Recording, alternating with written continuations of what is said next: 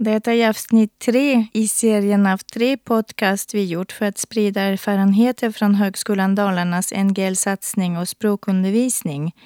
Jag heter Charlotte Lindgren och är lektor i franska. I detta avsnitt intervjuar jag läraren Rieko Saito. Berätta kortfattat om dig och dina NGL-projekt. Ja, eh, jag heter Rieko Saito.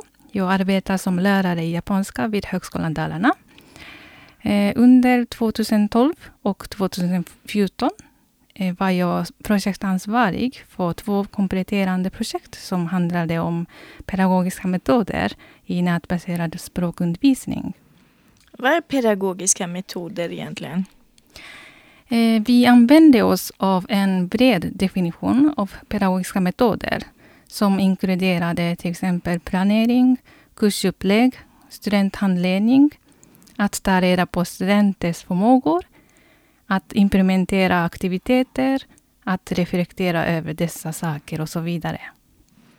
Vilka andra samarbetade med dig i projekten? Eh, vid första projektet samarbetade jag med Alex Bluth från portugisiska och Hiroko Inose, Masako Tor och Yoko Mizuhune från japanska. Och vid andra projektet med eh, Hiroko Inose Masako Tor från japanska och med eh, Mario López Cordero från spanska. Vad var syftet med ert första projekt om pedagogiska metoder?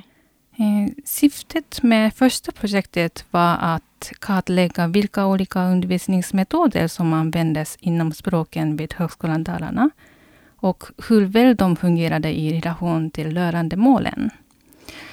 Ett mer övergripande syfte var att effektivisera arbetet och främja undervisning av god kvalitet. Resultatet av kartläggningen kunde ju egentligen vara av stor nytta till alla lärare inom all utbildning på Högskolan Dalarna. Och vad var syftet med det andra projektet? Det andra projektet fokuserade på de frågor som hade identifierats som svårigheter i första projektet. Särskilt bristen på fysisk och samtidigt närvaro i ett klassrum. Vi fokuserade också mer på studenternas uppfattning eftersom lärande och undervisning är två sidor av ett mynt. Kan du berätta lite mer om din metod? Ja, eh, vi valde att fokusera framför allt på kurserna på grundnivå. Eh, vi skickade en enkät till 23 lärare på de kurser på grundnivå som fokuserar särskilt på muntlig och skriftlig färdighet. Och vi fick 15 svar. Och dessutom intervjuade vi totalt 11 lärare eh, som verkade använda sig av särskilda idéer och metoder för nätbaserad undervisning.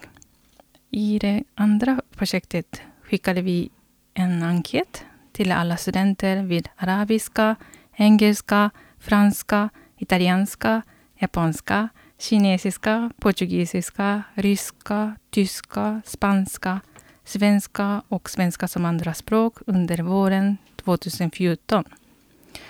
Vi fick 842 svar, det vill säga att en svarsfrekvens var 37 procent. Och 20 studenter djupintervjuades efteråt. Mm. Vad har du kommit fram till? Eh, resultaten på det första projektet visade en stor variation i svaren vad gäller typer av aktiviteter, lektioner, material, eh, uppgifter och så vidare. Eh, som ingick i kurser i muntlig och skriftlig språkfärdighet. Men också många liknande metoder. Fanns det något gemensamt bland svaren? Eh, det var två saker som var gemensamt för samtliga lärare.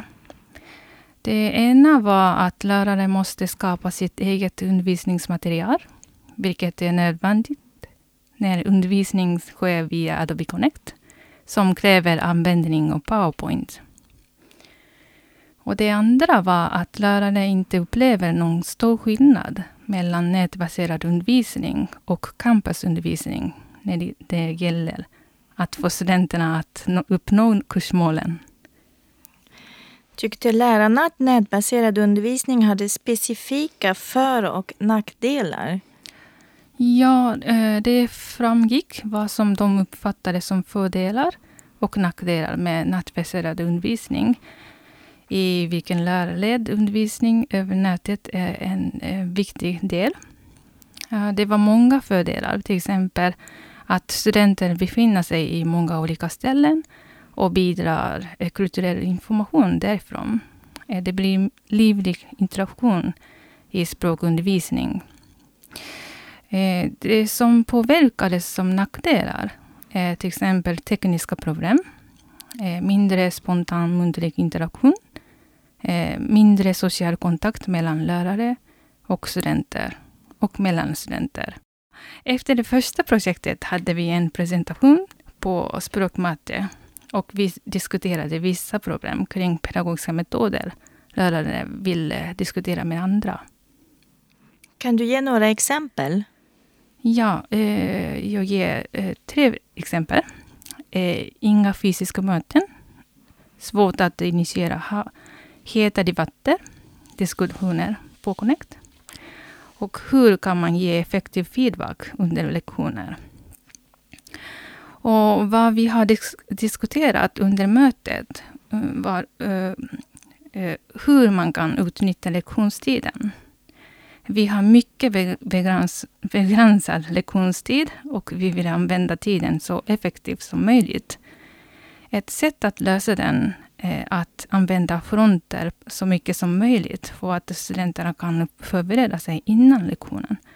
Och när de kommer till lektionen är de redo att börja diskussion på djupare nivå. Och vad visade det andra projektet? Eh, det visade att de flesta av studenterna var nöjda med interaktion med lärare, men inte med interaktion med sina klasskamrater.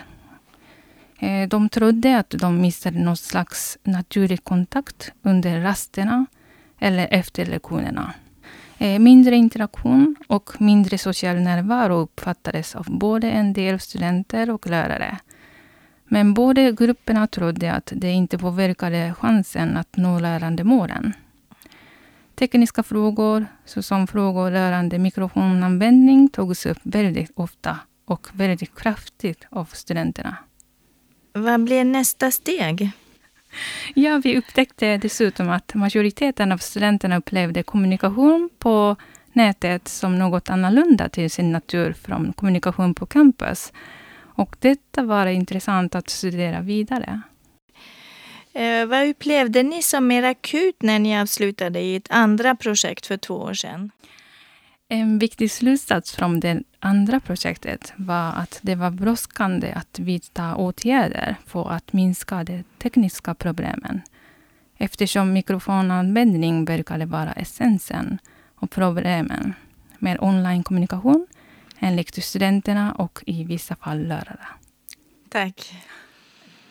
Ni har nu hört tredje delen i denna podcastserie som är gjord för att sprida erfarenheter om tidigare NGL-projekt vid Högskolan Dalarna. Första delen handlade om internetbaserade lärmiljöer, andra delen om webbaserade digitala prov och tredje delen om pedagogiska metoder i nätbaserad språkundervisning.